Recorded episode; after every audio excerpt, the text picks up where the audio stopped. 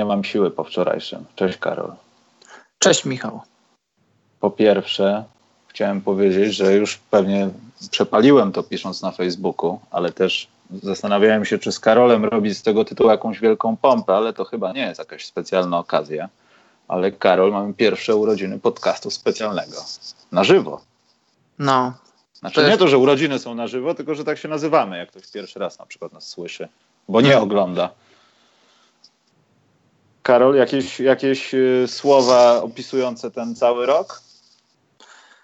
To był szalony rok pod kątem nagrywania podcastów oraz pod wieloma, pod kilkoma innymi względami.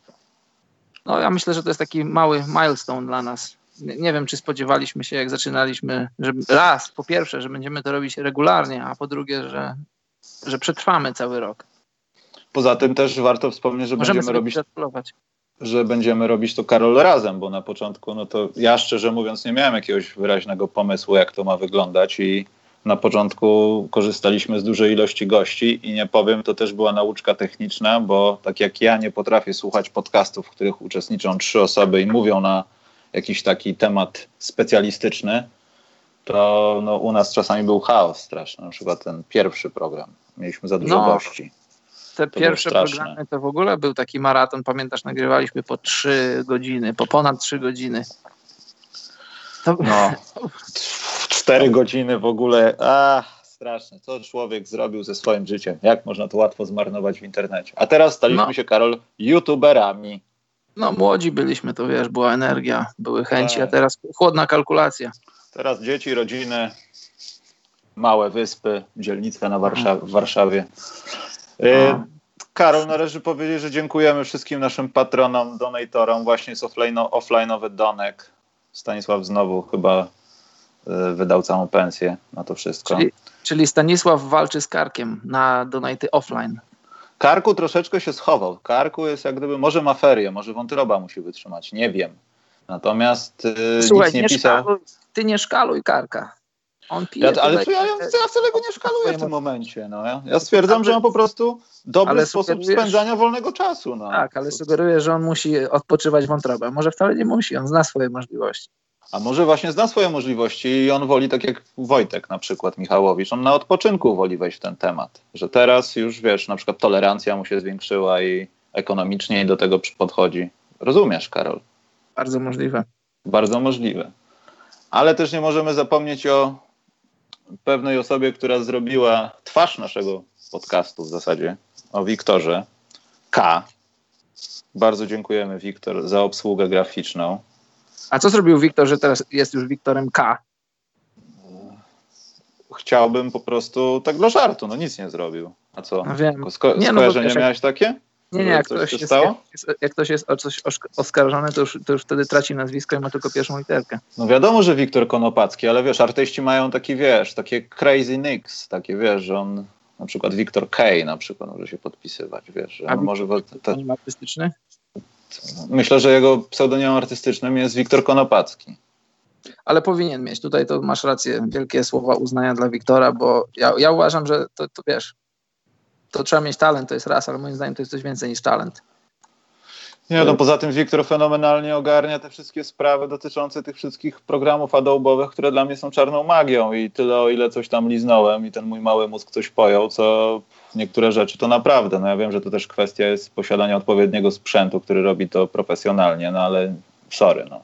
Szacunek, Wiktor, naprawdę szacunek. No i też trzeba wspomnieć o osobie, jednym z moich zawodników z, jednych z, w jednym z obozów koszykarskich e, za muzykę w zasadzie. To też jest ważne, bo już drugi sezon nam dostarcza muzykę jest, że tak powiem, gitara. Zawsze zaczynam od GIS, także też bardzo dzięki. Motion Boy. Tutaj widzisz, on ma pseudonim, także nie musimy mówić imienia i nazwiska. Możemy, ale mamy pseudonim. To jest fajny pseudonim Motion Boy. On z takim czymś może iść w świat.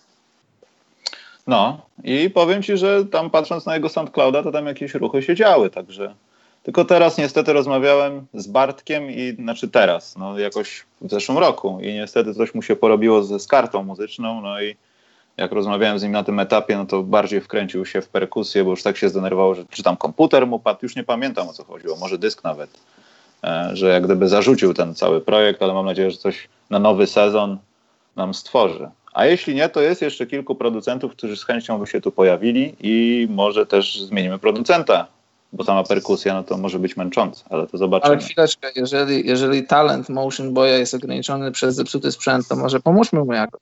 Nie, właśnie chodzi o to, że to nie chodzi też o wsparcie finansowe, że, że go nie stać, tylko po prostu tak się zdenerwował, że stracił wszystko, że, ma, że na tamtym etapie miał to gdzieś. Przynajmniej tak to zrozumiałem. Rozumiesz, taka niechęć. Może no, już nie wróciłem o co. Tak, że wiesz, no zbierałeś wszystko i nagle coś się głupiego stało, buch, nie masz. No i nie robiłeś backupów, to też może twoja to wina czy coś, ale. Zróbmy tak jak w Misiu, zróbmy mu jakiś puchar za zajęcie pierwszego miejsca na zachętę. Na zachętę. To szermierki jakieś damy mu. Może być i z szermierki. Może być i z szermierki. Dobrze. Albo z tej perkusji, w którą się wkręcił. Może mu kupimy jakieś rzeczy do perkusji. Tylko, że jak go rodzice z domu wyprowadzą, no to nie będzie mógł na dworzu, będąc bezdomnym, nam robić podkładów, Karol, do programu. To też musimy o tym pomyśleć. Do ciebie się przeprowadzi. Mhm. No dobrze, skoro już to ustaliliśmy, to pewnie zauważyliście też, że mamy nowe odliczanko. Nowe odliczanko to jest y, weekend gwiazd. Tutaj jest niby All-Star po prostu, że mecz, ale zaznaczone jest do meczu debiutanci, w sensie USA, reszta świata. Eee, tak, Wiktor, potwierdzam. Tak, mnie też kiedyś w wieku nastu lat to spotkało i przestałem być producentem. Także zgadzam się w 100%. Eee, witam wszystkich, którzy, którzy dopiero przyszli. No i odliczanko no, będzie do meczu gwiazd. Myślę, że właśnie, Karol, kiedy zamierzasz e, wybrać się do przepięknej Kanady? Pod koniec lutego. Rozumiem. Czyli też musimy, Karol, ustalić jakiś gry plan, bo luty może być dosyć napięty, bo w przyszłym tygodniu będziemy chyba tylko w poniedziałek, a z Pucharu Polski coś będę nadawał, ale nie wiem, czy w piątek się wyrobimy na program. Będzie bardzo napięty. No zobaczymy, jak już tam będę na miejscu, jak się zadomowię. Różnica godzin, żebyśmy mieli dogodny, dogodny czas i dla ciebie, i dla mnie. No, no, jeszcze nie wiem, zobaczymy. Dobrze, ale tak mówimy na zaś, e, żeby było wiadomo. Dobrze, Karol. Nie wiem, czy można to nazwać newsikiem, ale dziś w nocy wybrano, znaczy wybrano LeBron Janis, tak, zrobię to dla większości moich fanów, Janis Antetokounmpo. E, wybrali sobie składy, doszło do kilku ciekawych i takich wesołych sytuacji. Karol, ty widziałeś ten materiał z tego, czy czytałeś tak, tylko kogo wybiorą? Oglądałem cały materiał. Ja nie chcę komentować składów, bo to nie wiem, no, każdy może mieć swoje upodobania i tak dalej. Nie wiem, czy chcesz, Karol, coś powiedzieć na temat tych składów? Bo ja chyba niespecjalnie. Pewnie. Wolałbym to zostawić do naszej takiej oceny i waszej też, że każdy skład może wygrać. No tutaj nie ma ewidentnie jakiegoś gorszego zespołu, bo coś tam. Natomiast ja chciałem poruszyć dwie kwestie, Karol, bo to e, trade deadline, LeBron z żarcikami na temat wolnej agentury. Myśli, że to jest taki delikatny scouting, czy on się tym po prostu bawi? Mówię o LeBronie. LeBron bawi się tym wszystkim. On sobie, on sobie gra z nami, on sobie gra z mediami, ale to nie, to nie jest dla nas żadna tajemnica. I LeBron każdą okazję wykorzystuje do tego. LeBron rzadko kiedy zdarza się, zauważ na przestrzeni lat, rzadko kiedy zdarza się, że LeBron powie coś. Ja chyba nie przypominam sobie czegoś takiego, że LeBron coś powie, a potem za to przeprasza. Czy to o sprawach koszykarskich, czy to o sprawach politycznych, czy jakichś innych. LeBron waży słowa dobrze się wypowiada, mądrze się wypowiada i wypowiada się w taki sposób, żeby, żeby osiągnąć jakiś efekt. To już też mówiliśmy o tym wiele razy. I tutaj też kilka było takich delikatnych podtekstów na temat, na temat tamperingu, wolnej agentury, przyciągania gwiazd. Tak, to było też dosyć takie komiczne. Znaczy może to nie jest komiczne, bo to też, ja też chciałem o tym pogadać, ale najpierw chciałem poruszyć temat tego transferu, Karol. To trochę też, dziwne to. To trochę dziwne, ale to też trochę, trochę taka zabawa, ale zidentyfikowałem to jako chęć zagrania z tym gościem, e, bo chciałem zobaczyć, jak się z nim gra. Bo jest młody, może przed nami będzie jeszcze ze mną wiązała go jakaś przyszłość, wiesz o co chodzi. Tak. Bo tak to trochę wyglądało, bo nie sądzę, żeby to było spowodowane tym, a żeby Russell Westbrook był zdenerwowany i żeby dopiąć mu szpileczkę, to ja go po prostu wytransferuję. Trochę dziwna sytuacja, że mamy, że mamy transfer podczas draftu do, do meczu gwiazd. Nie mieliśmy takiego czegoś wcześniej, no ale, ale to jest LeBron. LeBron wiele precedensów zrobił na przestrzeni swojej gry w lidze. No i tutaj zrobił kolejny.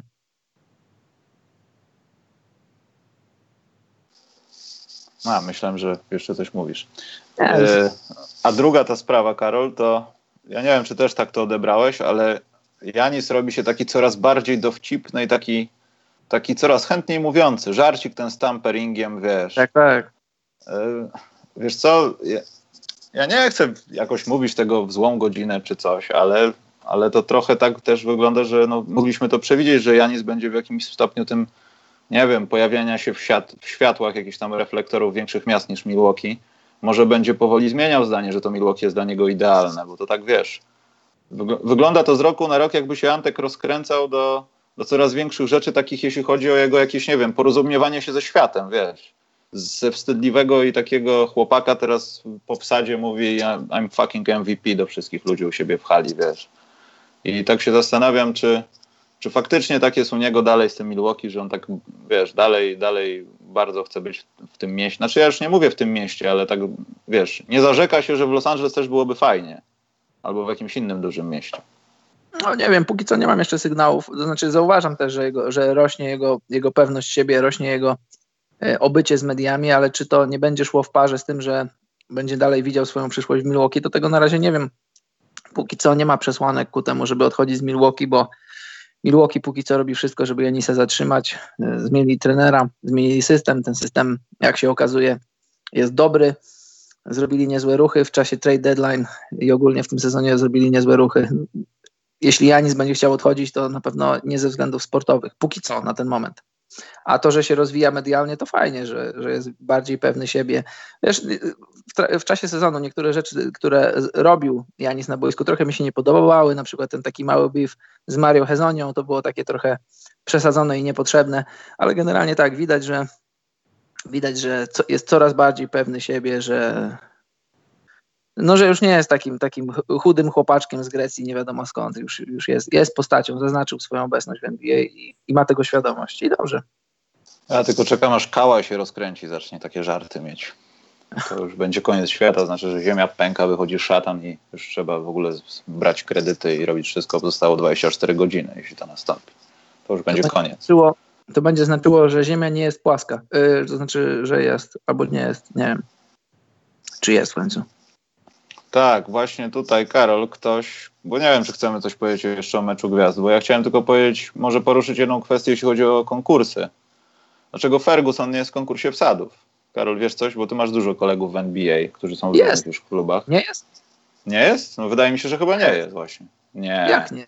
Jest Dialo chyba za niego, czy nie? No nie, aż wpiszę, bo to aż wstyd. Ale wydaje mi się, że nie ma go.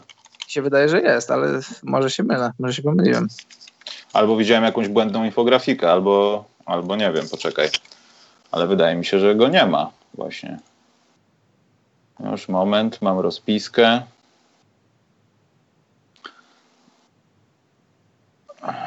Konkurs wsadów. Dennis Smith Jr. Mhm. A nie, dobra, poczekaj, mój błąd bo otworzyłem swój dokument. Może Karol to szybciej otworzysz, bo mam taką ilość okien, że to zaraz wybuchnie. Dobrze. Spróbuję coś z tym zrobić, ale to nie jest łatwe do ogarnięcia. A nie, Boże, no. Przecież mam to otwarte na samym środku. Ale wydaje mi się, Karol, że właśnie nie jest. Już no mówię ci, kto jest. No nie jest. Nie jest? Nie jest. Jest no to... Hamidu Diallo który też swoją drogą potrafi wyskoczyć. To prawda, ale, Fergusona ale, chciałem zobaczyć. Ale Ferguson myślę, żeby no, nawet by pocisnął Smitha Juniora, dlatego byłem zaskoczony dlaczego, ale podejrzewam, że tam mogą być jakieś ograniczenia, e, no, no, ograniczenia zdrowotne po prostu. Bo Ferguson z jakąś historią tam przyszedł. Zdrowy jest, ale może nie chcą przyciągać struny. Także to jest takie małe moje zastrzeżenie. Dobrze, Karol. To w takim układzie, skoro nie o All-Star Game, to w takim układzie powiesz, jak bardzo Rajon Rondo zniszczył Boston Celtics wczoraj w nocy. Ja to wklejam, bo to jest nasz Tiso Buzzer Beater. Była posłucha trochę w tak. tym temacie, ale w końcu to jest. jest. Nasz, tak, to jest nasz Tiso Buzzer Beater. To było, to było, to znaczy wiesz, y, akcja Farfocel, rzut. Nie no, chaos pełen i to po obu stronach, bo Horford też się nie popisał na pełnym chaosie. To, co mogło się źle wydarzyć dla Bostonu, to się źle wydarzyło. Po dobrej akcji w obronie e, Ala Horforda jego nieudana próba zbiórki, później nieudana próba zbiórki Tatuma, nieudana próba zbiórki Morisa, w końcu piłka jakimś sposobem trafia do Rażno Rondo, który ten rzut już sam w sobie całkiem niezły, jak na, jak na te okoliczności. Klasyczny buzzer beater, już bez żadnych wątpliwości co do czasu, co do, co do czasu, który ewentualnie mógł zostać. Klasyk, klasyczny klasyk. Dobry rzut. Ważne zwycięstwo dla Lakers. Kto by się spodziewał, że po, po trade deadline, po sytuacji, w której wydawało nam się, że Lakersi mają trochę rozbitą szatnię, potrafili się odbudować i wygrać no, z niebyle kim, bo raz, że z Celtami, a dwa, że na ich własnym parkiecie. Dobra, powklejałem, ale ta akcja to straszny chaos, bo to, bo to faktycznie, no Ingram tam starał się z drugiej strony zaatakować kosz, też jakoś tam chciało szukać e, obrony Bostonu, no bo wszyscy się spodziewali, że raczej do tego nie dojdzie, że on sam będzie wchodził pod kosz, tylko nie wiem, odda piłkę, nie wykorzysta tego kozła na wejście. Został zablokowany, ta piłka się kilkukrotnie odbiła i ja widziałem w tej akcji, że tam nawet LeBron wystawiał ręce, tam jak już została ta kompletna końcówka czasu porzut. I nie wiem, naprawdę mało zabrakło, żeby Rondo nie rzucił po czasie. Także tak. nawet nie wiem, czy to nie jest jeden z takich bardziej czystszych, jeśli chodzi o zasadę, TISO buzzer beaterów, od kiedy je mamy, Karol. Ale w ogóle ta końcówka, gdyby, gdyby jeszcze raz przyszło zagrać, to znaczy gdyby przyszło zagrać te okoliczności, taką końcówkę jeszcze 10 razy, to, to 9 razy na 10 Boston by to wygrał, a to był akurat ten jeden, kiedy Lakersi wygrali, bo tam przecież Kuzma trafił za trzy punkty na, na prowadzenie. No i wprawdzie później Curry też w niełatwym rzucie, takim layupem, ale takim trochę layupem mijającym ręce dał prowadzenie. Ale ta końcówka trochę szczęśliwie, no to można powiedzieć, trochę szczęśliwie dla Lakersów. Dobrze, Karol. Ja tutaj widzę, że jakieś się pytanka pojawiają dotyczące wczorajszego trade deadline extravaganza ale widzę takie pytania na przykład od Jozue, które, na które wczoraj odpowiadaliśmy. Natomiast jeśli macie takie, na które wczoraj nie odpowiedzieliśmy, ale macie jakieś, to zrobimy. No myślę, że dzisiaj będzie krócej niż zwykle, bo 4 w 5 dni podcasty to, to nie jest zdrowe. O Gasolu też mieliśmy, drogi panie, i to dużo. Kto, kto się za, zapytował o niego? No, jakiś pan w internecie pyta o, o Gasola. Rozumiem. Dlatego wczoraj ktoś wywołał, ja przepraszam, że nie pamiętam, bo nie zapisałem tego, a powinienem, ale ktoś pytał o najlepsze i najgorsze kontrakty wczoraj. I my tak z Karolem w zasadzie może nie zgłębiliśmy tego tematu tip-top, ale jest kilka teorii, znaczy teorii, no, odpowiedzi, które no, myślę, że możemy pogadać o tym teraz, bo może pytania zjedzą nam resztę programu, jeśli będzie ich odpowiednio dużo. No i uzgodniliśmy z Karolem i to, to nie jest najgenialniejszy pomysł, jaki wymyśliliśmy z Karolem we dwóch, no ale najkorzystniejsze są umowy debiutanckie. Bo ktoś to pytał. Ale gdyby tak, Karol, wiesz co, ja no mam tutaj rozpiskę 500 kontraktów, 510 nawet tacy ludzie. Wydrukowałeś nie? Nie, Basketball Reference. Nie Szkoda, sobie. A, stop, nie, miał być offline'owy donate. Poczekaj. To ja puszczę donate, a dokończę jak on się skończy, Karol. Dobrze. A ja, ja...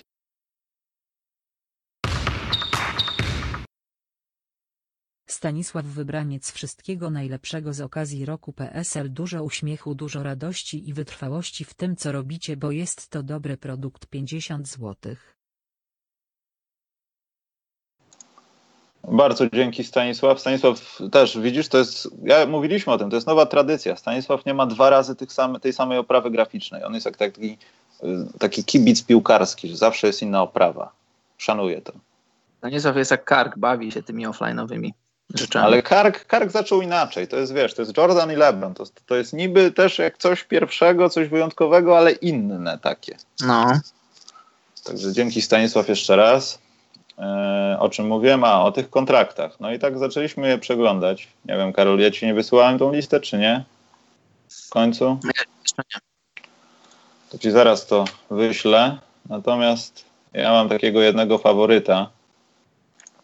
Znaczy ustalmy jedną rzecz, no. Korzystne kontrakty w NBA to, Karol, no nie wiem, czy się zgodzisz ze mną, czy nie, ale pomijając te debiutanckie, to są takie kontrakty w dzisiejszej NBA, które są na no, takiej pozycji kontraktu Marcina Gortata 10-12 milionów dolarów.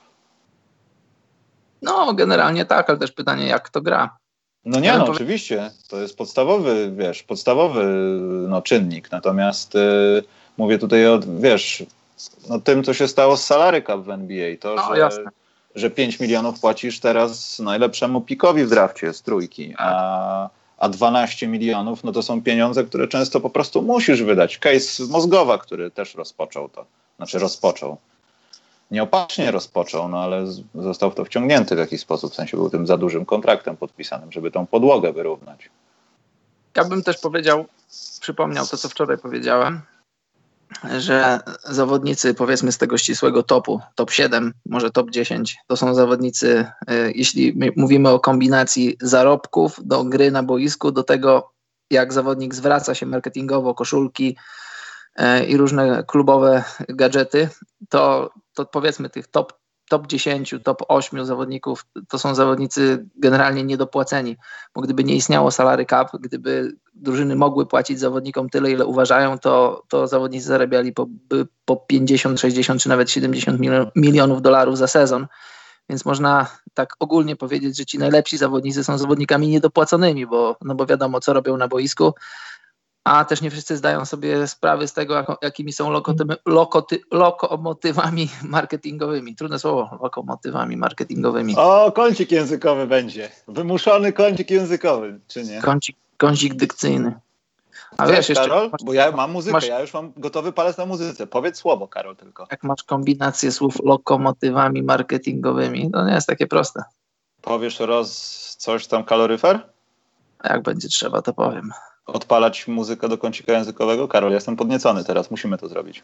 Na razie się wstrzymaj. Cholera, jasna. Wiedziałem, że nie mogę na ciebie liczyć. Przerwałem ci, bo z kontraktem się zamieszałeś, czy to był koniec? Ja, to, to, tyle, to, to tyle, co chciałem powiedzieć, żeby zwrócić na to uwagę, bo czasem się mówi, żeby, żeby gwiazdy nie brały tego maksa, żeby zostawiły trochę, żeby ktoś mógł przyjść. Ja uważam, że to jest, to jest, to jest bzdura i to jest takie, to jest takie gadanie, takie pod publikę, bo, bo to jest dyskusja miliarderów, chodzi mi o właścicieli z milionerami. Ja zawsze jestem za to, ja zawsze jestem all in za, za zawodnikami, żeby najlepsi zawodnicy byli, dostawali maksy, brali maksy bez żadnych skrupułów, bo i tak y, na rynku, i tak marketingowo są niedopłaceni. Tyle. Dobrze, więc Karol, może przejdźmy do może zacznijmy od tych najgorszych takich kontraktów. No no-brainer, no to, no to ja nie wiem, czy no. to możemy zaliczać jako kontrakt, no ale Parsons, no to jest chyba strzał, który możemy zaliczyć za ten sezon i jest fatalny. No John Też Wall, to, to... dla mnie John Wall przebija. No nie, no tak, ale wiesz, gdyby nie stała się ta feralna kontuzja, no to nie, nie chyba byśmy tego tak nie traktowali, chociaż pewnie byśmy traktowali to jako jeden z takich bardziej wyuzdanych podpisów, że tak powiem. Wiesz co, gdyby, gdyby John Wall był zdrowy, to ten, ten kontrakt jest dla mnie przepłacony i no nie chcę powiedzieć, że fatalny, ale po prostu przepłacony. Gdyby John Wall był zdrowy cały czas, teraz i, i, i, w przyszłości, bo to jest tak, zaczyna się w przyszłym sezonie od 38 milionów dolarów przez 41, przez 44 do 47. To są monstrualne pieniądze i ja już to kiedyś mówiłem, czy pisałem też nawet, że, że trochę to nowe CBA, ty się pewnie ze mną zgodzisz, wydaje mi się, że rozmawialiśmy o tym, że kluby stały się trochę ofiarami tego nowego CBA, bo masz ten Supermax deal, ale co do zasady w skali ligi to, to powiedzmy, nie wiem, ilo, siedmiu, może dziesięciu zawodników jest, jest naprawdę wartych tych pieniędzy, tak sportowo i marketingowo. Są warci tych pieniędzy, żeby dostać Supermax deal. A jeśli wszystkie, każda, każda, każda z 30 drużyn w NBA ma taką moc, żeby dać swojemu zawodnikowi supermax deal, no to rodzą się takie sytuacje jak, jak z Johnem Wallem, jak z innymi zawodnikami, którzy są uprawnieni do tego supermaxa i jeśli mogą po niego sięgnąć, to dlaczego nie mają sięgać? No a teraz jeśli dodamy dwie kontuzje do Johna Walla, e, jedna pięty, jedna zerwanego Achillesa, no to ten, ten kontrakt jest jak dla mnie, wiesz co Michał, to może być naj, najgorszy kontrakt w historii NBA na ten moment, teraz już bo to jest zawodnik, który... Ale co, jest... to jest, przepraszam, ale to się trochę ociera, tak trochę nawet. Nie mówię, że ociera się jak krzemień o krzemień, że są iskry, ale czy ociera się to z Rashardem Lewisem? E, Niegdyś? Wiesz co? Mi Czy w Orlando wydaje, on dostał te pieniądze? Już nie pamiętam. Tak, w Orlando. Mi się, mi się wydaje, że, się, że jeśli się ociera, to, to nie jak krzemień o krzemień, iskier nie ma, dlatego że Rashard Lewis miał przynajmniej w początkach, tej, te, kiedy spływały mu te pieniądze z tego dużego kontraktu, to e, to on grał całkiem nieźle. Nie, grał, nie, nie był super gwiazdą nigdy. Po prostu trafił na dobrą koniunkturę, ale on generalnie był zdrowy i wypełnił ten kontrakt. A tutaj masz y, na, na, na pewno, na 100% nie zobaczymy Johna Walla od tego zerwania Achillesa przez rok. Czyli straci połowę przyszłego sezonu, w którym zarobi 38 milionów dolarów. Jak wróci, na pewno nie będzie tym Johnem Wallem, którym był. Teraz jest duży znak zapytania, czy w ogóle do końca kariery nim będzie. I teraz będziesz mu musiał wypłacić, nie licząc y, przyszłego sezonu, jeszcze 120 milionów dolarów. Dla mnie to jest szoker. To jest wow. E, no wiesz, jeśli mówimy o najgorszych kontraktach tak ogólnie, no to chyba to, co Gilbert Arenas zaoferował światu i jemu zaoferowali Wizards też poniekąd. No to też jest historia. No. Znaczy tam są inne czynniki, wiadomo, ta historia z bronią, to wszystko. Ta umowa została podpisana w taki sposób, że nikt się nie spodziewał czegoś takiego, więc nikt nie robił nawet furtki prawnej, bo jestem święcie przekonany, że gdyby oni wiedzieli o takich jakichś, nazwijmy to, inklinacjach Walla z bieganiem z Desert Eaglem po szatni, z Javarisem, z Javrisem, Crittertonem, tak, tak, tak. To, to by do niczego nie doszło takiego, w sensie ktoś by się zabezpieczył, a tutaj pełna kwota, ile lat? To prawie jak bracia Silna, którzy od lat 60. kosili po pół miliarda dolarów za transmisje telewizyjne, bo ktoś czegoś tam 30 lat temu nie podpisał. A to są, można powiedzieć, krajanie, bo pochodzący z Lublina prawda. Panowie. Ale wiesz, wiesz, co było najfajniejsze w kontrakcie Gilberta Arenasa, że on był uprawniony do podpisania kontraktu na 120 milionów dolarów, a on podpisał na 117. Miał taki gest, zostawił 3 miliony w kasie. Pamiętasz tak, to? Ma, mamy gest. To był Kompletny fajny. gest. Przepiękny gest. E, dobrze, idźmy Karol dalej. E, w tych a takich... czekaj, mogę no. się, czy mogę od razu się do, do czatu odnieść? Nawet musisz, jeśli coś się dzieje, bo ja go zminimalizowałem pewnie. Bzyk, Bzyk pyta, czy Kobi kontrakt na ostatnie dwa sezony, czy go wymienić? Absolutnie nie. Kobi dostał, dostał pieniądze A za, za całokształt swojej kariery, za pięć tytułów Lakers. B te pieniądze, tak jak już powiedziałem wcześniej, e, Lakers wiedzieli, ile mogą dostać sportowo od, od Kobiego i oni Niestety, niestety dla kariery Kobiego Bryanta tak się złożyło, że jego ostatnie dwa lata przypadły na dwa lata tankowania Lakers. I, i niestety, ja wierzę w to, że gdyby, gdyby Lakers byli dobrzy, gdyby to na przykład odbywało się powiedzmy w San Antonio, czy, czy, czy w jakiejś innej takiej dobrze prowadzonej drużynie, to Kobe by wyglądał sportowo dużo, dużo inaczej i dużo lepiej. Ale marketingowo, kiedy wszyscy wiedzieli, że to już na, na pewno będą ostatnie dwa lata Kobiego Bryanta, to to się zwróciło z, z, ogromną nawiązką. Tam nikt nie płacze po tym kontrakcie, to tylko płaczą ludzie, którzy, no właśnie nie wiem dlaczego, może, może fani Lakers, może antyfani Lakers, ale nikt, nikt w klubie z Los Angeles nie, nie płacze, nikt nie żałuje tego kontraktu, bo to było, jeszcze raz powtórzę, po pierwsze za w podziękowaniu za, za pięć tytułów, za całą karierę, za piękną karierę w Lakers, no i B, wiadomo było, że ten kontrakt się zwróci, bo ostatnie dwa lata Kubiego to była marketingowa kura znosząca złote jajka.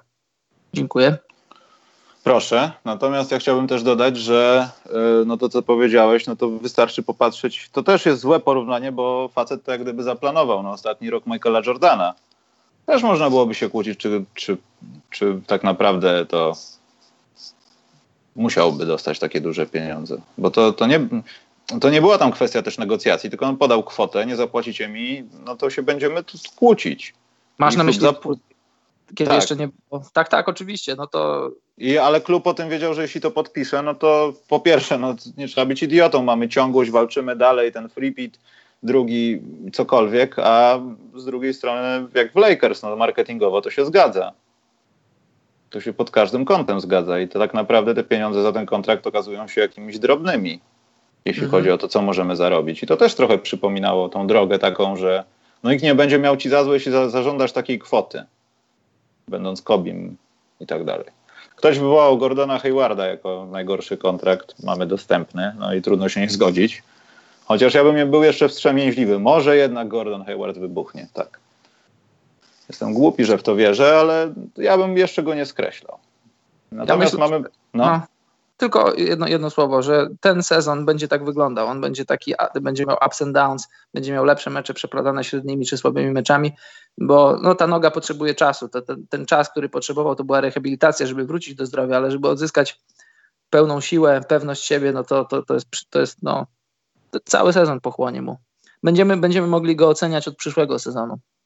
Chociaż faktycznie no, na ten moment te pieniądze wyglądają na na mocno przepłacone, no ale kto mógł o tym wiedzieć? To, to nie ma mądrego na takie coś. No, kto mógł przypuszczać, że, że tak paskudnie złamie nogę?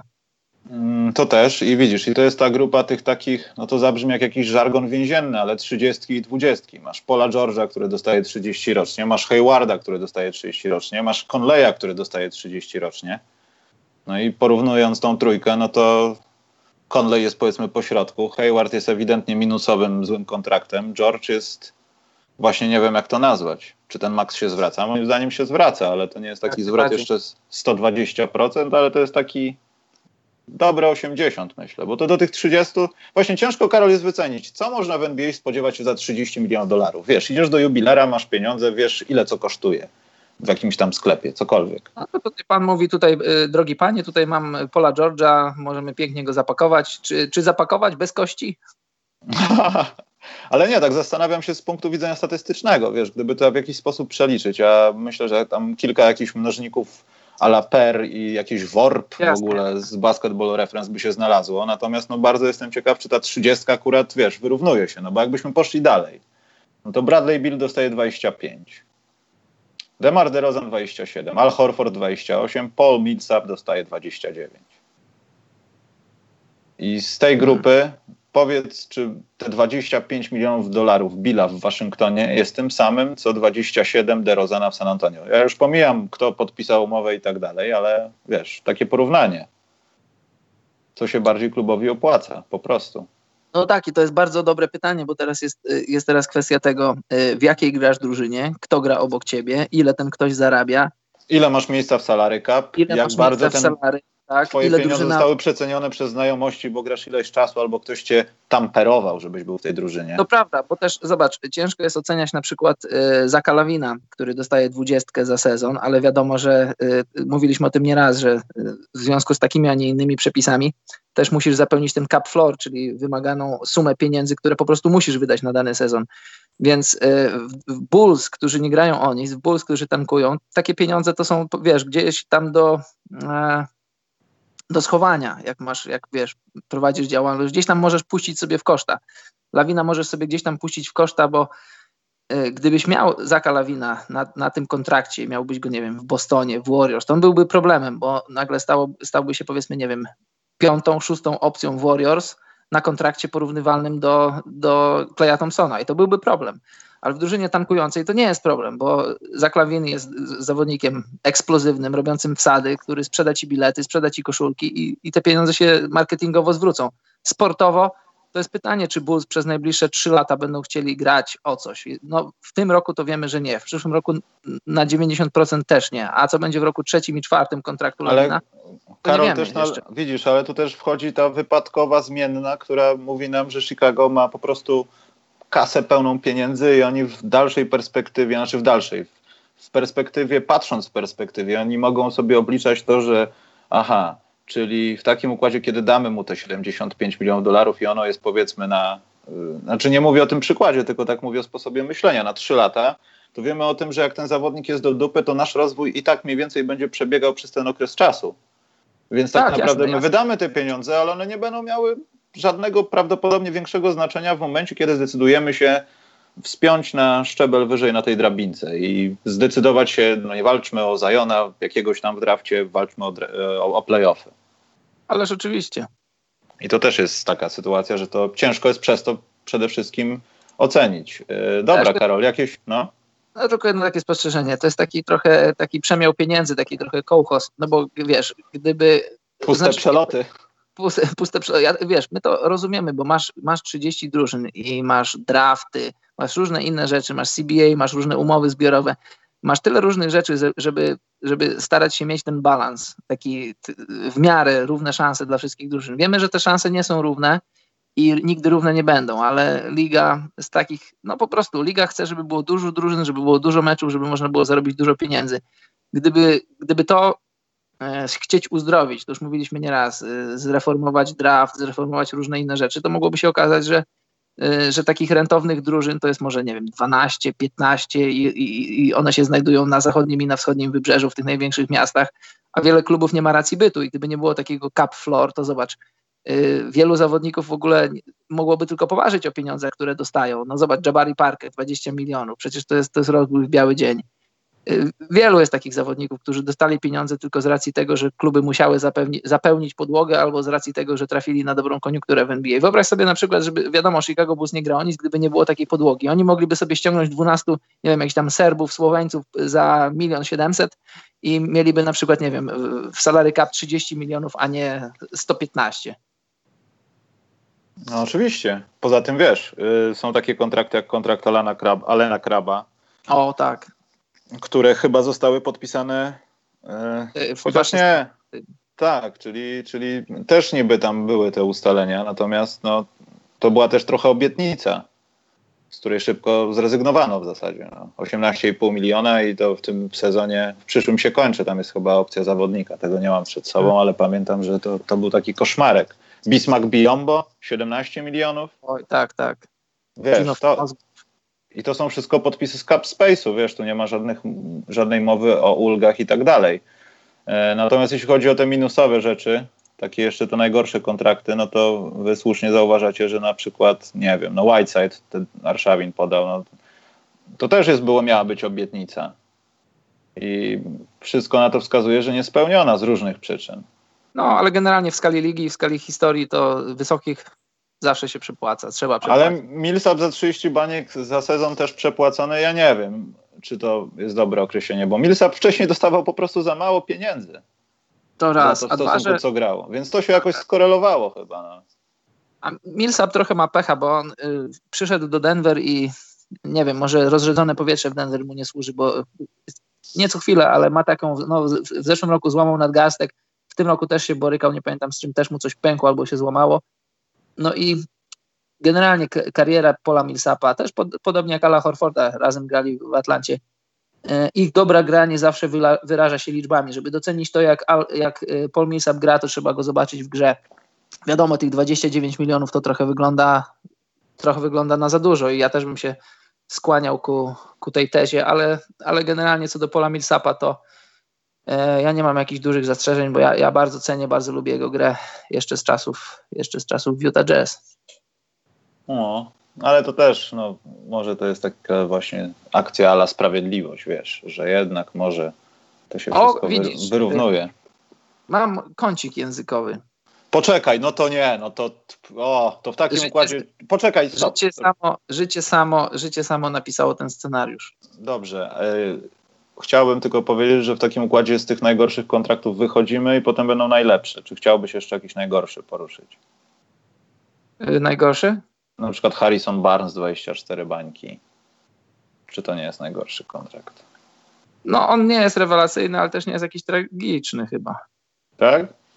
Mi się wydaje, tak, że się... trochę podchodzi pod tragiczny. Tak jak Dante Exum, tam z 3 razy 10 jeszcze? Czy coś? Dante Exum około dziesiątki zarabia. No tak, ale no dokładnie, ale jeszcze przez trzy lata. Yy, chyba tak, trzy albo dwa. No. Dobrze, Karol, to przejdziemy do najlepszych, bo można też faktycznie wieszać się na tych trzydziestkach, dwudziestkach i po prostu gadać o tym. Dobra, Karol. No i Danilo Galinari, to ja zapomniałem o tym, ja to zapisałem sobie aż kursywą. A Danilo to... jak jest zdrowy, to, to ja biorę. To, to, to, jest 20 milionów za sezon. To było płatne w 3 lata. On jest w drugim roku, jeśli dobrze pamiętam tego kontraktu. Dla mnie to jest takie ani nie dużo, ani nie mało. Po prostu rynek wyznaczył jego wartość. Jeśli Danilo jest zdrowy, to ja go lubię. Ale nie wiem, czy wydałbym tyle. Na przykład grając fantazy dynastycznym i miałbym określoną ilość salary capi, musiałbym pomyśleć o tym, mając innych zawodników z tą samą sumą mniej więcej do wydania i podpisania. Nie wiem. No ale mniejsza o to, Karol, poczekaj. Kącik językowy. Dobrze. Dziękuję. Daj mi, no poczekaj, tutaj... daj mi chwilę. Nie ma tutaj, ja ci powiem kiedy i ty zaczynasz. Kącik językowy. Daj mi chwilę, żebym tylko muzykę odpalił. Czekałem na to tyle czasu. Moje uszanowanie dla pani kierownicy. Moje dobre rzeczy trzeba poczekać. Moje uszanowanie. Dobrze, mam nadzieję, że jest teraz cicho. Sprawdzę w ogóle. Jedna. Eee, nie, Karol, to jest to, co robiliśmy z połówki na dwóch. Przepraszam, zgubiłem miotkę gdzieś. Poczekaj, musisz, musisz się uzbroić w cierpliwość, ale to jest... Tak, mam to, Karol. Tak mnie zaskoczyłeś, że aż... Dobrze. Też ręce ci się trzęsą. Tak, wszystko mi się, mózg mi się trzęsie nawet. Dobrze, więc słucham, Karol. E, y, tutaj duże słowa uznania, to jest w zasadzie sponsorem tego, tego odcinka jest, jest Arszawin, który napisał, że Millsap jest kontuzjogenny. To jest, to jest, częsty, to jest częsty błąd, który się, który się pojawia przy okazji rozmawiania o sporcie, o sportowcach. E, jeśli Millsap jest kontuzjogenny, to znaczyłoby to, że jeśli jesteś w obecności Millsapa, to dostajesz kontuzji, że on wpływa na innych zawodników, jest kontuzjogenny. Kontuzjogenny, yy, wiesz, kontuzjogenny to znaczy, że, że, że, że zwiększa ryzyko kontuzji, na przykład, nie wiem, yy, bieganie w klapkach, granie w koszykówkę w klapkach jest kontuzjogenne.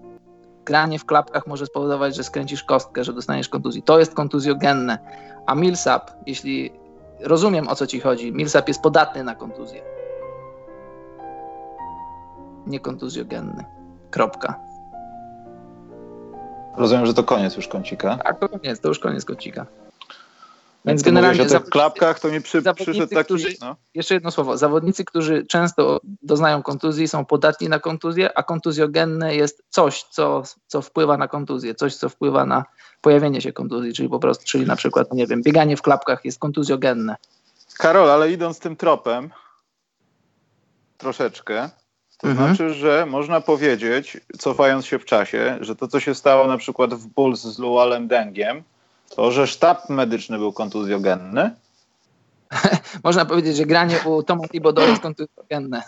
Tak, i to jest właśnie to jedno z tych stwierdzeń, jak na przykład ten żart, Karol, co najbardziej szkodzi na zęby? A, to jest dobre. Cegła. Czy warto mieć zęby? Czy warto mieć zęby? Cegła. Najbardziej szkodzi na zęby cegła. Dobrze, Karol. Dziękuję za kącik. Wiedziałem, że on wróci w końcu.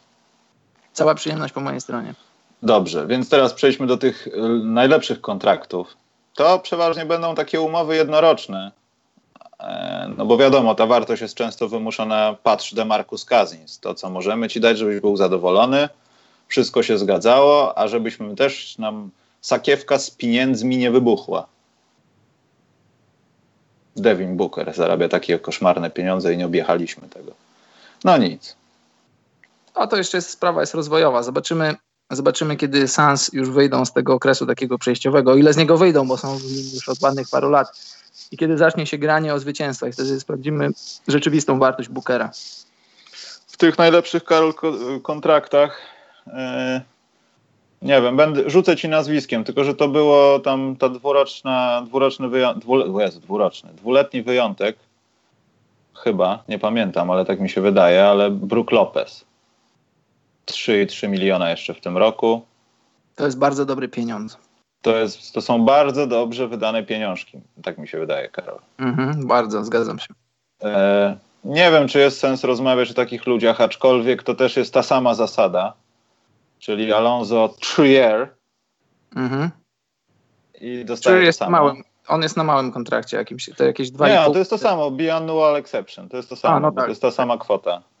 E, to jest jeden z moich faworków, że tak powiem. Drugi to, ja już nie chcę sprawdzać dokładnej sumy, no ale wiadomo, Derrick Rose, tam jest chyba 2,2 miliona dolarów. Tak zwane pieniążki z litości. Bieda pieniążki. Bieda pieniążki, ale świetnie wydane te pieniążki, Karol. Tam to aż serce rośnie, jak te pieniążki po prostu zostały uzbierane i teraz po prostu rozrzucane jest hajs z dywidend naokoło. To mi się no, podoba. W tym, w tym roku tak, po pierwsze sportowo, a po drugie marketingowo. Ciekawe, ja chciałbym zobaczyć takie dane, e, nie wiem czy kluby to udostępniają, ile, pewnie nie, ile dany zawodnik wygenerował pieniędzy dla klubów z koszulek, z różnych tam innych e, klubowych rzeczy. Myślę, że kiedyś zobaczymy takie prawdziwe, prawdziwe podsumowania? Poza Myślę, tym, ile się nie. sprzedaje w USA, w Chinach? Nie, tylko ogólnie, kto najwięcej sprzedaje koszulek i tylko suche liczby, ale no to, oczywiście one tam dają nam jakąś, jakąś wizję tego, jak to może wyglądać, ale, ale generalnie kto ile przyniósł zysku jako zawodnik, tego nie zobaczymy. A z prostej przyczyny, takiej, że, że ci najlepsi po prostu by się zbuntowali i chcieliby uwolnienia, uwolnienia salary cap może nie całego, ale takiego dla najlepszych zawodników, żeby, żeby uwolnić dla nich wolny rynek i żeby zarabiali bez, bez żadnego sufitu w salary cap, żeby zarabiali tyle, ile kluby chcą im dać. A to mogłoby spowodować, że, że NBA by się rozwarstwiła, że biedni byliby biedniejsi, a bogaci jeszcze bogaci i, nie wiem, czy to by było w skali ogólnej dobre dla ligi. To znaczy, byłoby dobre, gdybyśmy zreformowali ligę i skasowali 10 drużyn, gdybyśmy grali 15 najlepszych drużyn bez, y, bez draftu, bez różnych innych rzeczy. Najlepszych zawodników z draftu byśmy po prostu normalnie kontraktowali, wszystkich byśmy kontraktowali, ludzie by zarabiali tyle, ile kluby chciałyby zarobić, ale to jest, tak, to jest taka trochę utopijna wizja i tak, wiesz co, wydaje mi się, że nie wiem, czy chcielibyśmy takie, taką NBA oglądać. E, no też chyba nie byłoby, wydaje mi się, za dobrze. E, idźmy dalej. Bartek dobrze zauważył. Okafor 4 miliony za dwa lata. Tylko wiesz, nikt w to nie wierzył. Niech ktoś powie na czacie, kto wierzył w to, co się dzieje z Okaforem od ostatniego.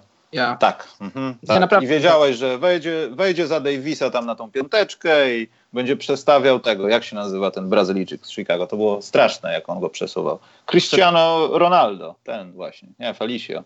Niektórzy mówią Felatio nawet na niego, ale to mały krągosłup. Ty tak mówisz. Nie, ja tak nie mówię, ja nie używam brzydkich wyrazów ogólnie, Karol. Brzydzę się przekleństwami. Poczekaj chwilę. E, bo ja o tym pisałem bardzo dawno temu, kiedy został oddany do Nets i napisałem, to powiedz o czym, że ja to sobie znajdę. Mogę powiedzieć o czymkolwiek? Bardzo proszę. Ja chciałem, bo ja może też taki kącik założę co mnie wpienia. Do tej pory ludzie, którzy nie używali kierunkowskazów, bez obrazy, mam wielu znajomych, którzy mają tej marki samochód, ale oni akurat używają kierunkowskazów. Wiedzą, gdzie są, nie mylą ich z tą manetką od tempomatu albo od wycieraczek, albo wiedzą o jej istnieniu, ale coraz więcej Karol ludzi nie używa kierunkowskazów. W Polsce? W Polsce.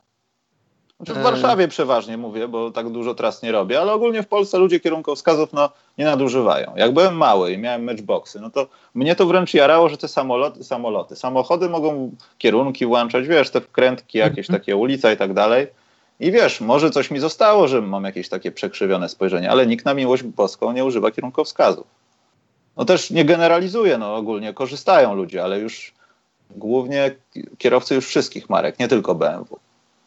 To, że ludzie nie używają kierunkowskazów, to jest jeden problem. Drugi problem jest taki, że jak już używają, to w wielu przypadkach nie wiedzą, do czego ten kierunkowskaz służy i jak należy go używać. No bo przykład, dojeżdżasz do ronda, czy powiedzmy do skrzyżowania, czy do jakiegoś zakrętu i w momencie, kiedy dosłownie metry od tego, kiedy zaczynasz skręcać, ludzie dają kierunkowskaz. Kierunkowskaz nie jest dla ciebie, nie jest dla, dla, dla kierowcy, który kieruje tym pojazdem, tylko jest dla innych uczestników ruchu drogowego informacją o tym, co będziesz robił. Ten kierunkowskaz trzeba dać y, dużo wcześniej to też zauważam, to jest duży problem. Ja, jadę za kimś, wiesz, ja nie wiem, co ten ktoś chce zrobić i on nagle daje kierunkowskaz i w tym momencie skręca. Gdybym, gdybym o tym wiedział, zmieniłbym pas, nie wiem, przyspieszyłbym, wyprzedziłbym, zwolniłbym, zrobiłbym coś.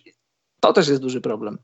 Ludzie są nie, nie, niedouczeni, jeśli chodzi Ale o wiesz, co jeszcze zauważyłem? Zauważyłem też inną rzecz. Na przykład, ja wiem, że to wynika z wielu czynników, że się śpieszysz albo nigdy nie spotkałeś tu policji, ale są takie, przynajmniej w Warszawie, w całej Polsce są takie miejsca, podejrzewam że wiesz, nie wiem, zjeżdżasz ze świateł i wiesz, że nie możesz ciąć buspasem, ale jak ktoś zauważy, że jest lepszym samochodem, no to wytnie przed wszystkimi, ale zawsze wrzuca kierunkowskaz.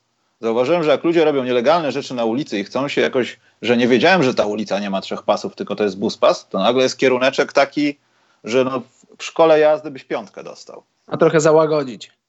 Tak. No i szaleni kierowcy autobusów, ale to będzie mój inny odcinek, w co mnie wpienia. A, i jeszcze jedna rzecz. Y, na rondzie, jak już jedziesz na rondzie, to ludzie dają lewy kierunkowskaz. Przecież na rondzie się jedzie w lewo. Po co dawać? Wiem, że ktoś, ktoś gdzieś czytałem w internecie na ten temat parę miesięcy temu i ktoś podjął ten temat i, i bardzo się zdziwiłem, bo to powiedział jakiś facet, który prowadzi szkołę jazdy, że, że tak, że owszem, że bardzo dobrze, że w lewo, że ludzie dają kierunkowskaz. Bzdura. Na rondzie się daje się tylko prawy kierunkowskaz zjazdowy, bo przecież, jest, przecież jak wjeżdżasz w rondo, to jedziesz w lewo. Tak, znaczy to mogą być kłopoty leżące w postrzeganiu. Podjąłeś temat. Podjąłeś Karol, ale to mogą być, poczekaj, mogą być problemy po prostu w szeroko pojętej geometrii. Bo tak naprawdę między rondem a normalnym skrzyżowaniem w kształcie litery T no nie ma za dużo różnic, bo to mniej więcej tak samo działa. No chyba, że skomplikujesz i wprowadzisz tramwaj i wtedy styki zaczynają się zwierać i nie wiadomo, kto, a jak nie daj Boże karetka jeszcze. Ja raz widziałem taki przykład, w Warszawie jest takie rondo wiatraczne i tam często jeżdżą karetki do szpitala albo jadą ze szpitala. I tam jest pętla tramwajowa. Ludzie tam wariują. A jak zjechać z takiego ronda, jak masz pół roku prawo jazdy? To przecież obszczany cały samochód ze strachu, bo ty nie wiesz, co masz zrobić, bo jak wpadniesz pod autobus, to on cię przeciągnie aż na drugą stronę Wisły. No, to też. To jest problem, Karol. Masz jakieś duże ronda u siebie? E, ronda akurat tak. Tutaj ronda są, tutaj mamy w mieście, czekaj no, e, rond ogólnie mamy dużo, ale są dwa albo trzy takie, takie że, że, że łączą się, łączy się, poczekaj, zaś ci powiem, raz, dwie, trzy, cztery, pięć, pięć ulic, nie tylko cztery, a pięć. I jest jeszcze nawet taka ulica boczna zjazdowa, bo to jest, to jest droga łącząca miasto, miasto nasze stołeczne z drogą do drugiego miasta. I tam w ogóle zauważyłem, że w Finlandii, a szczególnie tutaj na Alandach, Alandczycy mają problem z jeżdżeniem na rondzie, bo są, są zbyt, zbyt bojaźliwi. Wydaje mi się, że oni nie rozumieją, na czym do, do końca polega, polega proces jeżdżenia na rondzie.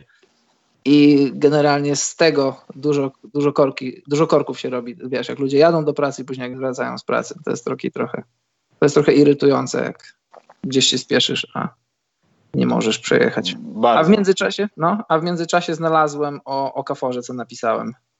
Proszę bardzo.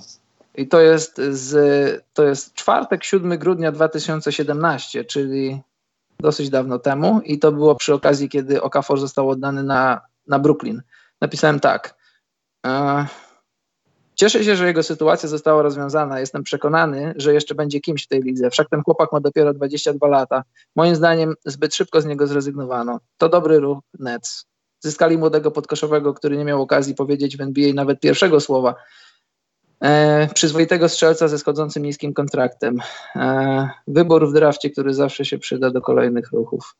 Tak napisałem. Czyli miałem tak zwanego nosa. Halo? Wyłączyłeś mnie. Siebie wyłączyłem, bo tutaj ustalam, Karol, pewne rzeczy dotyczące naszej rozpiski. E, no dobrze, Karol, ale z drugiej strony, serio aż tak, że spodziewałeś się, że on przejmie grę? Że... Nie, że aż tak, no nie przesadzajmy. Nie, aż no tak, właśnie, no bo to jest czasami przejmowanie gry i ja nie sądzę, Tak, że ktoś, kto wydawał te pieniądze, wiedział o tym. No. W skrócie. Ja nie mówię, że o tym wiedziałem, ale patrząc na, na to, z jakim skillsetem przychodził do NBA i patrząc też na to, w jaki sposób został ograniczony, w jaki sposób yy, ta jego początkowa kariera w Philadelphia nie była prowadzona w taki sposób, jak mogła być prowadzona, to ja uważałem, że on po prostu w NBA nie dostał jeszcze szansy, że, że taki talent, ja byłbym w szoku, gdyby on się w NBA nie utrzymał, że taki talent prędzej czy później gdzieś tam musi się znaleźć, bo często się mówi, gdyby na przykład KD zaczął karierę gdzieś tam indziej, gdyby ktoś tam, gdyby Kawhi na przykład nie zaczął kariery pod Gregiem Popowiczem, to czy tak by się rozwinął? Ja uważam, że talent prędzej czy później gdzieś tam się rozwinie. Ja tak patrzyłem na niego i byłem w szoku, że yy, wini się go za to, za to, kim nie jest, za to, czego nie robi na boisku, a nie, a nie uwypukla się jego ewidentnych atutów, świetnych atutów, że jest świetny w ataku i w końcu wiesz, no, ciężko by było przewidzieć, że, że wejdzie w buty Antonego Davisa, kiedy Davis będzie kontuzjowany, że nagle stanie się naprawdę niezłą postacią, no ale y, nie jestem ani zaskoczony, ani zszokowany tym, w jaki sposób gra, bo, bo moim zdaniem to była kwestia czasu, kiedy, kiedy stanie się pewnym punktem jakiejś drużyny w NBA. Josh Richardson z Miami to jest dobry kontrakt, Karol? A po, przypomnij mi, ile zarabia? Jeszcze 30 milionów z opcją zawodnika, 9300 w tym roku i potem progresję Co? masz tak. 30? No w sumie 30. Z tą opcją liczą. Nie, przepraszam, gwarantowane 30, bez opcji. Bo 11600 jeszcze może dostać w 21-22. Okej, okay, rozumiem, ale mówisz tak, aha, patrzę już teraz 9 za ten sezon, 10, 10 i 11. Tak, to są bardzo dobre pieniądze, jak, jak, jak dla mnie. Biorąc pod uwagę to, co robi. No, tak, za tego typu zawodnika to jest, no, to są frytki.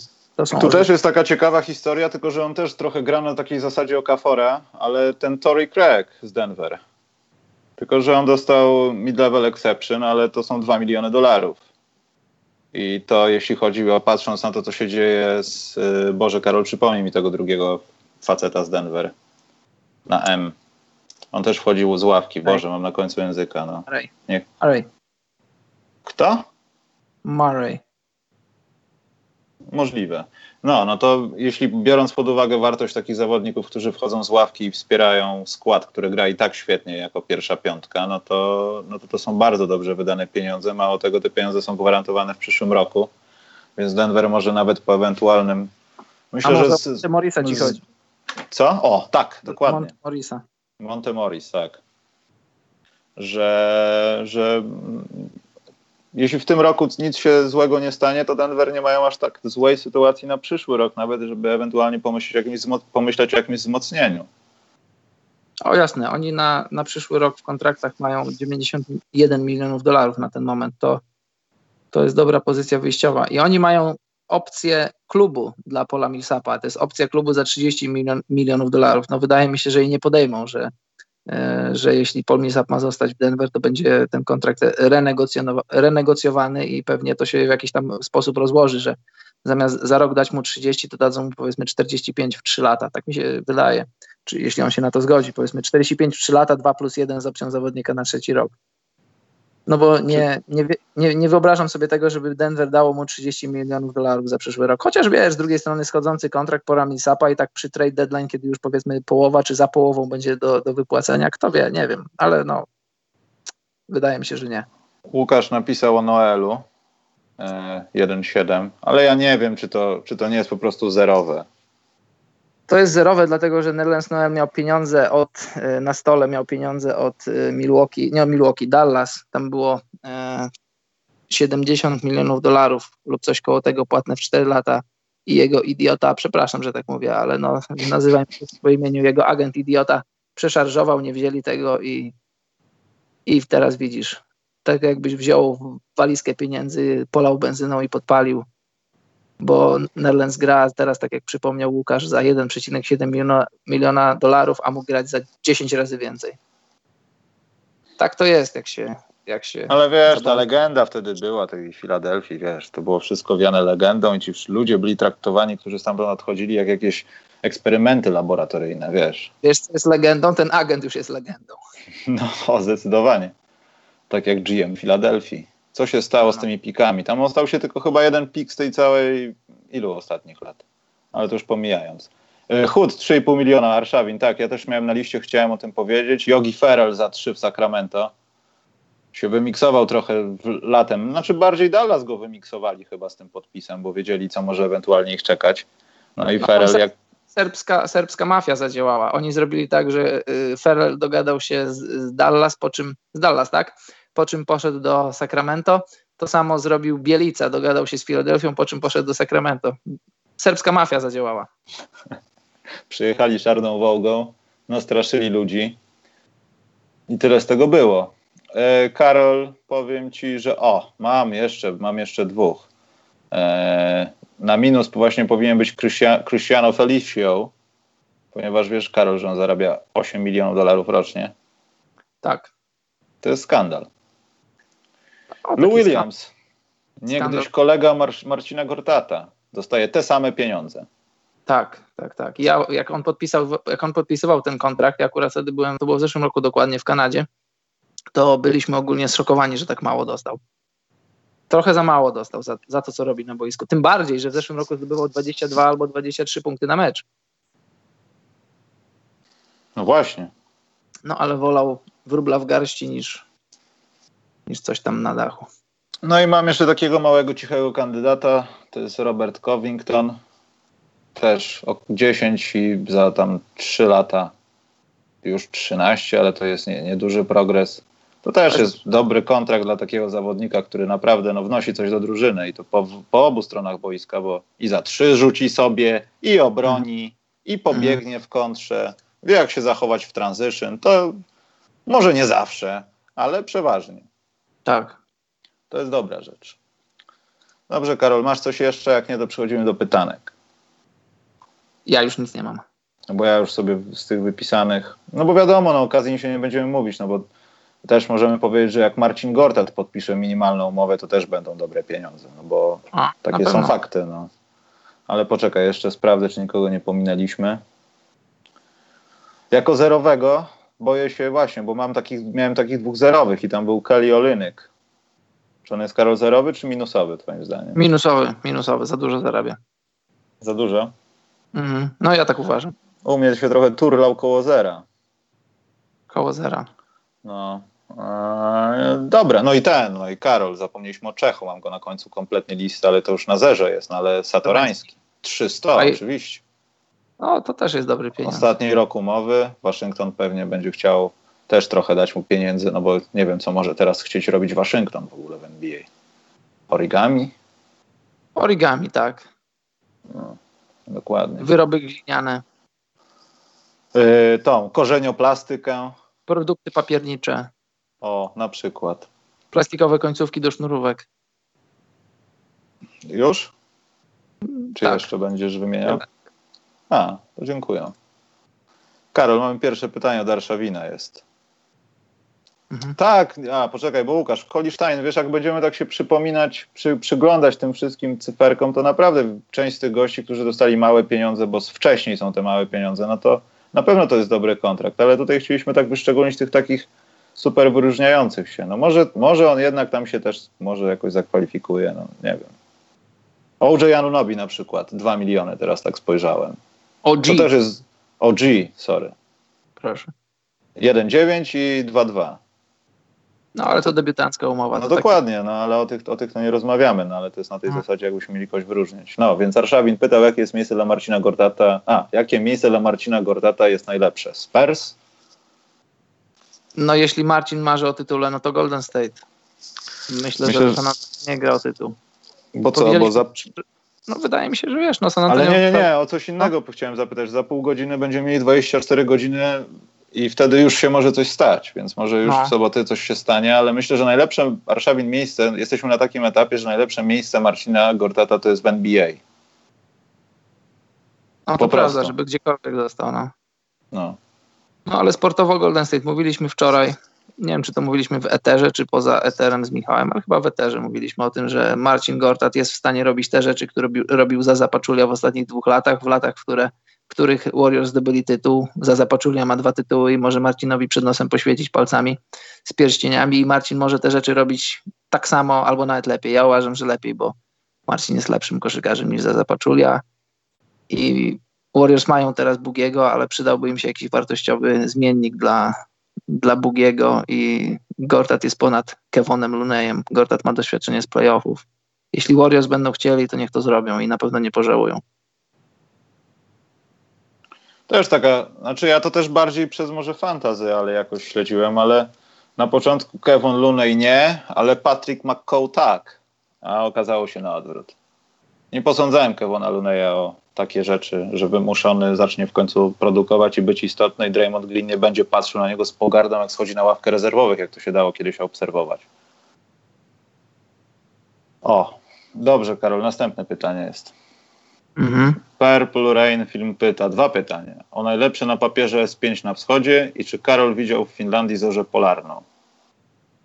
Mogę zacząć od drugiego. Tak, widziałem. Fantastyczne przeżycie. Piękny, piękny widok. Taki aż jak wiesz, no wiesz, wiesz co to jest i wiesz, jak, wiesz, no po prostu generalnie wiesz, co to jest, ale gdybyś nie wiedział, a nawet wiedząc, co to jest, to, to tak, nie, nie wiem, co to, takie uczucie ciężko mi jest opisać, czy to jest takie, trochę się tego boisz, z jednej strony się boisz, trochę tego, z drugiej strony cię fascynuje, ale naprawdę przeżycie jest niesamowite, widok jest niesamowity, E, no coś pięknego, polecam każdemu. Aha. No. Nie, tak to trochę zabrzmiało, że nie jestem do końca przekonany, czy ją Karol widziałeś, czy po prostu było pępkowe. Nie no, widziałem, widziałem wiele razy. Ona, wiesz, akurat no, w tym miejscu, gdzie ja mieszkam, to widać ją. Ale Karol, A. poczekaj, a dzieje się coś ze zwierzętami na przykład w tym momencie, że są jakieś takie bardziej elektryczne, wiesz, wilki chodzą po lesie, kury dziobią lisy, wiesz, jakieś dziwne rzeczy, czy nic się nie dzieje ze zwierzętami, z, z fauną? Świnie jedzą kury. Tak? Nie, nie wiem, żartuję. Wydaje mi się, że nie, chociaż z drugiej strony, wiesz, no, jak jest więcej światła, no to może zwierzęta trochę głupieją, tak jak na przykład... Ale nie wiem, słyszysz jakieś odgłosy gdzieś, no na pewno coś koło ciebie chodzi, gdzieś takiego trochę dzikiego, czy nie Jest- masz takich...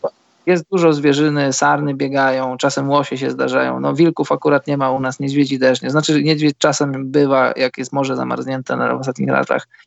Może nie zamarza aż w taki sposób, żeby z Finlandii, z tego lądu mógł, mógł przyjść niedźwiedź. Wilków nie mamy, już powiedziałem, więc nie wiem, czy zwierzęta wariują, jak, jak jest zorza.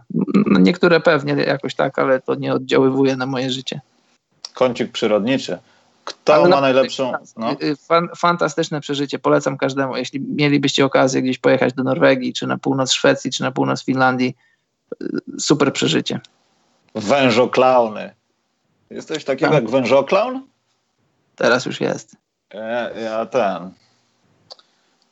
nie słyszałem o czymś takim, dziwne zjawisko. Ale Karol, jaka jest najlepsza piątka na papierze na wschodzie? Na wschodzie najlepsza piątka. No widzisz, to jest dobre pytanie, no bo... Sixers, nie? No właśnie, tak zastanawiam się nad tym, czy, czy, ja muszę zobaczyć, jak oni będą grali, bo ja wiesz co, ja mam... Człowieko, niedźwiedzio, świnia, lagora. Musimy kończyć ten podcast, to już jest koniec. Człowiek niedźwiedzie, świnia. No wiesz, no przyroda już różne rzeczy widziała. W South Parku na pewno. No. Dobra, przepraszam, bo... Zanim, zobaczę, zanim nie zobaczę, jak Filadelfia będzie grała, to chyba nie mogę na razie powiedzieć, że Filadelfia, no chociaż no, siła ognia jest, jest, jest czterech potencjalnych All-Starów, no, de facto tylko dwóch, ale potencjalnie czterech. Ja na razie się wstrzymuję, żeby powiedzieć Filadelfia, ja na razie powiem Milwaukee albo Toronto. A, a, wyda, a, tak poważnie to wydaje mi się, że to jest trochę taka decyzja Toronto. jak na jakiś, teraz, nie, na, na wyścigach konnych, że to będzie bardzo blisko, wiesz, ciężko jest jasne, ocenić. Jasne, jest bardzo blisko, ale na ten moment ja mówię Toronto, bo się wzmocnili. Mają, ma, masz Gasola, masz Kawaja, masz Laurego. Ale w Filadelfii jest Tobias Harris. No, ale wiesz, wiesz co, ja uważam, ja już powiedziałem to wczoraj. A Gasol ma 852 lata i przepraszam no, Karol, oglądałem Lego Batman, ale tam nie pamiętam Wężu Klaunów. Jedyny głupi potwór, jakiego pamiętam z kreskówek z Cartoon Network, to jest Troll, Might, Troll Mytol czy coś takiego, także nie, wężo klauny nie wiem. No Karol, co mówisz? Tak, musimy zobaczyć przede wszystkim, jak y, Tobias Harris będzie się zachowywał, czy jak będzie mu pasowała rola czwartej opcji, no bo ewidentnie jest czwartą opcją teraz w drużynie. Dlatego ja na razie się wstrzymuję z oceną Filadelfii. Muszę zobaczyć, jak to będzie grało na parkiecie i ja stawiam na, no mówię, może Milwaukee, może Toronto. Z Gasolem ja uważam, że zrobili skok jakościowy, mimo że Gasol ma 853 lata już. I pół. Czy cztery nawet. Bartek Misztal zapytał, dlaczego koszykarze z NBA nie mogą pojechać do Europy na leczenie we Włoszech, tych pod Warszawą. Na przykład widzieliby co i jak. Odnoszę się do danego Greena i przede wszystkim Fulca. Lekarze w USA są dziwnymi momentami. Ale czy stawiamy tezę, że medycyna w Europie stoi na wyższym poziomie? Bo ja nie wiem, czy tak jest. Czy taką tezę stawiamy? Nie, Karol, nie. Niewątpliwie w niektórych y, aspektach, y, nawet w Polsce mamy jakieś wyróżniające się y, ale to, tak, to kliniki, szpitale, ale myślę, że jeśli chodzi o medycynę sportową, to medycyna chyba jest na tyle uniwersalna, że nie możemy mówić o tym, że w Stanach są gorsi lekarze. Po prostu no właśnie, są lepsze i no. gorsze, bardziej, mniej doświadczone ośrodki z bardziej lub mniej doświadczonym stafem medycznym do końca życia będę powtarzał tą sytuację z Chicago Bulls. No, kobieta, która była szefową stafu medycznego, została wyjęta z jakiejś grubej, najdroższej kliniki medycznej i sprawiała ludziom cuda. I się okazało, że po dwóch latach Derrick Rose przestał chodzić, Lou Oldeng trafił na wózek i przypominali bardziej X-Menów niż Chicago Bulls. To jest prawda i to jest bardzo ciekawy temat, który, e, to znaczy nie wiem, czy moglibyśmy go zgnębić, zgnębić, zgłębić, bo musielibyśmy się skontaktować ze wszystkimi drużynami w NBA i, i zrobić swój własny research na ten temat, ale generalnie sztaby medyczne klubów to jest bardzo ciekawy temat, bo, te, bo jak odbywa się nabór e, coaching staffu, to my wiemy, bo mniej więcej znamy te nazwiska, ale jak się odbywa nabór tego medycznego stafu, to my nie wiemy, nie wiemy jak to się odbywa. No, znaczy tam raz na jakiś czas docierają do nas jakieś informacje, że ktoś ma dobry, dobrych tych tak, tak zwanych trainerów, ludzi, którzy pomagają zawodnikom wracać po kontuzji. Phoenix, y, Dallas y, i parę innych klubów. Ale jak to się odbywa, tak, tak w szczególe, to ja akurat tego nie wiem, y, nie mam dostępu do takich informacji, ale słyszałem parę lat temu, chociaż no, chodzi mi o San Antonio, chociaż historia z Kałajem i też trochę z danym Greenem. E, no, trochę ja chyba mogę, Karol, powiedzieć mały insight. Znaczy, no. Nie mogę, wiadomo, powiedzieć o kogo chodzi, ale e, wiem, że to dużo zależy od klubu. Właśnie, Przede wszystkim lekarz klubowy musi się na to zgodzić albo nie widzieć innej alternatywy w tym, żeby na przykład, słuchaj, za kwartał on ma chodzić i jakby się dało. No to u no, nas to... się nie da, jedziemy do Japonii. Jasne, to prawda i to jest, wiesz, y, to też no, na przykładzie Kałaja z zeszłego roku jest dużo brudów, dużo, dużo nieczystych gier też w obrębie tego, no bo wiadomo, że w interesie klubu jest to, żeby szybko przywrócić zawodnika do gry i czasem y, chciałbym wierzyć w to, że to się dzieje sporadycznie, ale zapewne dzieje się to częściej niż tylko sporadycznie, że y, interes długofalowego zdrowia zawodnika nie zawsze idzie w parze z, z interesem klubu. Mówił o tym Jared Dudley kiedyś, nie pamiętam dla kogo, komu to mówił, ale nie pamiętam, Jared Dudley leczył jakąś rzecz jakąś część swojego ciała w, y, w Clippersach i, i, była presja na to, żeby wrócił do gry, a on ewidentnie źle się czuł, on o tym mówił. No i trochę to się, to się nie skończyło za dobrze. E, no też, ale Karol, przepraszam, no. przykład Szaka z tym, że e, niby kłopoty jakieś z Achillesem, no to chyba było w trakcie przejścia jego do Bostonu, czy do Miami się zaczęło, nie pamiętam. I się okazało, że, no, że z nerwami miał kłopot i tak naprawdę tak, rzecz tak. chodziła o duży palec w stopie, a nie o inne rzeczy, na które on był leczony i nawet chyba jakieś zabiegi były, czy, czy też nie, ale był naprawdę pod opieką, opieką, rehabilitował się nawet chyba z tego To tytułu. prawda, to prawda. Historia, historia złych diagnoz może nie jest jakaś super długa, ale jest na przykład Carmalon, jego ostatni sezon w, w Lakers, on doznał kontuzji kolana, nie pamiętam którego i nie pamiętam dokładnie o co chodziło. Chodziło o to, że Carmalon naderwał sobie coś, a zdiagnozowany wstępnie był, że sobie coś naciągnął, a jest różnica w rehabilitacji rzeczy naciągniętej, a naderwanej. I oni w zasadzie zmarnowali mu pół sezonu i można powiedzieć, no znaczy, tak mi się wydaje, że można wysnuć taką tezę, że, że to może nawet i tytuł kosztowało Lakers, bo Karl Malone wrócił na playoffy, ale no, nie był tym Karlem Malonem, którym był Jazz i, i Detroit wygrali tam te finały. No i Carmelon był leczony, jego kontuzja kolana była leczona jako naciągnięcie czegoś, a podczas gdy to było naderwanie. I no, początkowo ta rehabilitacja nawet pogorszyła mu stan jego kolana. A z Szakiem pamiętasz, była też taka sytuacja, że jak on przyszedł do Miami, to Pat Riley, który jest znany z tego mabzika na punkcie e, niskiego procentu tłuszczu, e, kazał się Szakowi odchudzać i też jest teoria taka, że e, Szak schudł, ale on nigdy wcześniej nie był taki chudy i, i z racji tego, że musiał się dużo obijać, jak, jak, jak to on z zawodnikami pod koszem, to po prostu y, odnosił coraz więcej kontuzji, bo ten tłuszcz go nie, nie ochraniał. Ten tłuszcz go nie ochraniał. Eee, Karol, mamy też. Tłuszcz go nie e, ochraniał. Stanisław Pawłowski pytał o grę o klon, Karol. Ja powiem szczerze, że nie wiem. Ale z drugiej strony Arszawin mówił, że to, co napisał, niech zrobi lepiej progres, bo stoją wciąż w miejscu. Myślę, że Arszawin wkrótce będziesz bardzo mile zaskoczony. Tyle mogę ci powiedzieć. Eee, po, po, po, pytanko, czy Simon zrzuci coś za trzy w All-Star Game? Nie. Bar po co ma to robić? Też nie wiem. Eee, Łukasz domagała. Kto awansuje z ósemki z zachodu, panowie? Sacramento. Drogi, drogi nie, ta, Sacramento. Dali skala Labisiera, ich przyszłość w NBA została przekreślona. Nie no, Dallas. Serio, Chciałbym, tak myślisz? Żeby nie, nie, tak nie myślę, ale chciałem, żeby to zrobili. Chciałbym, żeby stało się to Lakers. Wiem, że stawiałem na, na, to, żeby nie byli tam i mam nadzieję, że nie będą, ale z drugiej strony chciałbym zobaczyć ich na ósmym miejscu, kiedy spotykają się z Golden State Warriors. Na też przykład. bym chciał to zobaczyć. Chciałbym też Albo z Denver Nuggets, którzy będą teraz, pierwsi nie. i przegrają jeszcze z nimi. Ta ósemka, która teraz jest na zachodzie, no to poza Clippersami ciężko kogoś wyrzucić z tej ósemki.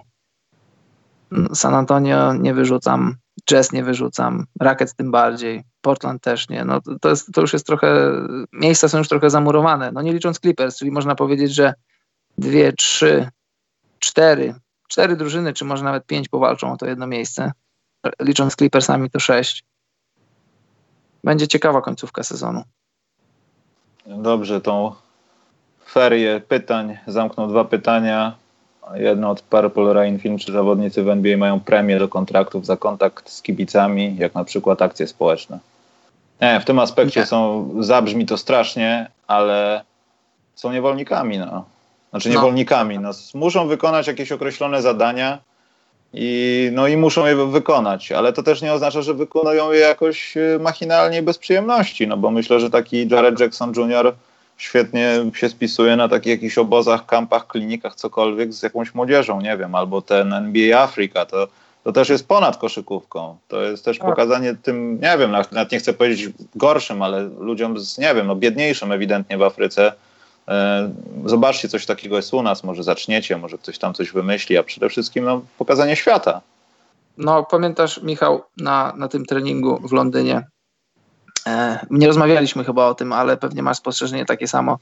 Dla mnie to jest zawsze takie budujące, jak ci zawodnicy, z jakim entuzjazmem oni do tego podchodzą. Zobacz, tam był Trier, tam był Berg, tam był Dodson, e, Robinson i oni, zobacz jak oni dopingowali te swoje małe drużyny, tych, tych, tych młodych zawodników, jak oni się cieszyli jak, jak z entuzjazmem pokazywali różne ćwiczenia, jak te, jak te drużyny tam rywalizowały i wygrywały. I to naprawdę jest takie budujące, że masz, patrzysz na milionerów, no naprawdę, patrzysz na milionerów, patrzysz na ludzi z NBA, których ogląda telewizja i oni schodzą do takiego poziomu, że, że, że takie malutkie rzeczy ich cieszą. I, i, i tak jak mówisz, generalnie zawodnicy w NBA, oni, oni, oni czują, znają wartość tego, co robią i wiedzą, że, że, że to jest e, jak to, jak, to, jak to oni mówią, jesteśmy blessed w związku z tym, że gramy w NBA i oni bardzo często, bardzo chętnie biorą udział w takich akcjach.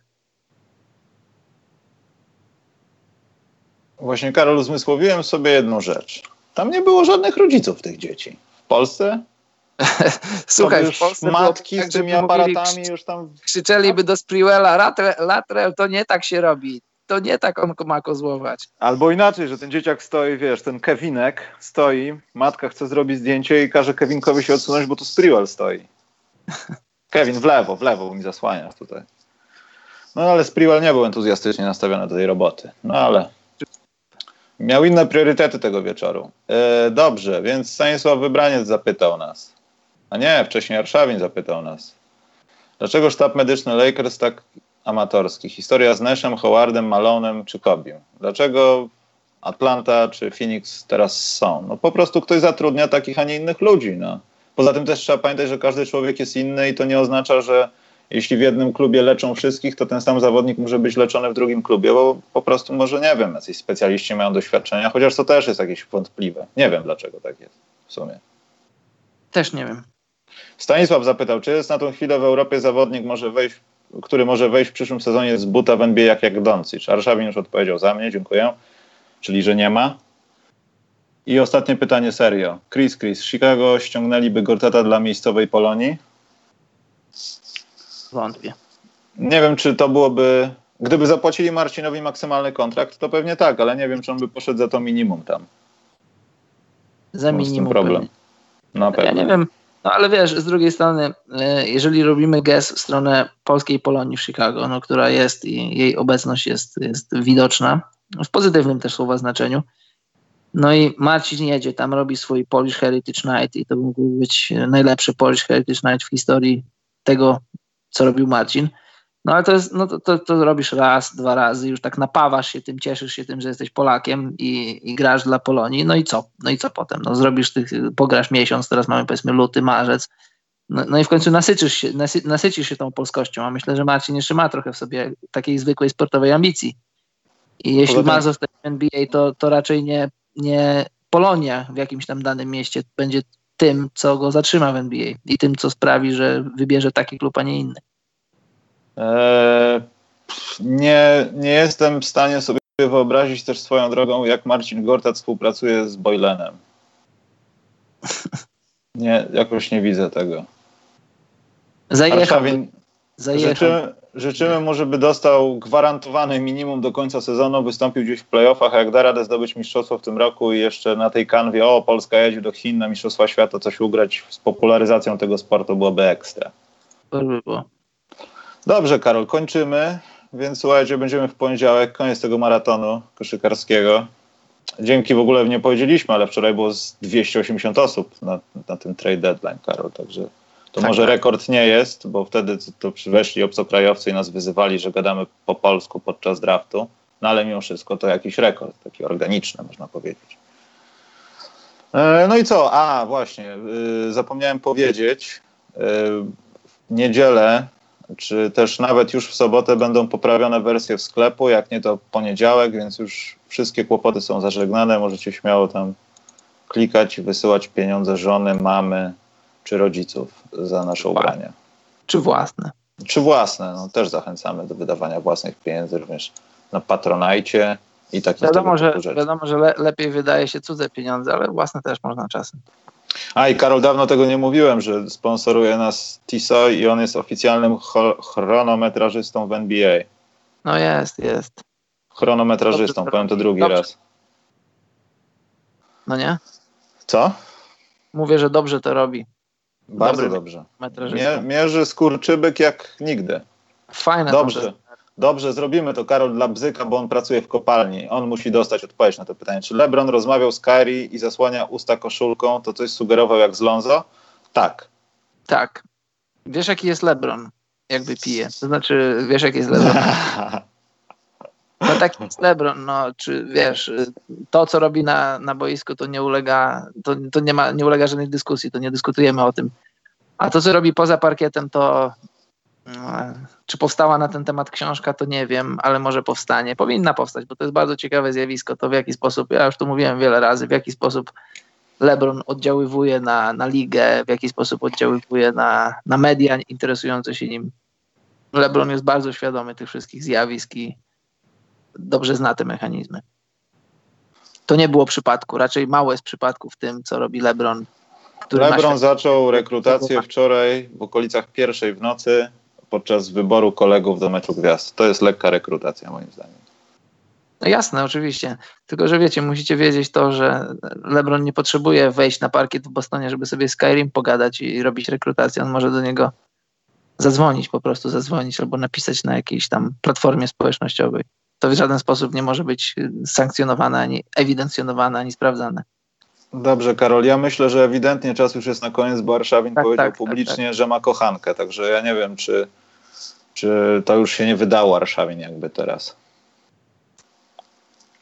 Także Karol, kończ waść wstydu oszczędź. Do poniedziałku trzymajcie się czołem. Dobrze, dziękujemy za dziś. Życzymy udanego weekendu i weekendu i dobranoc, mili ludzie.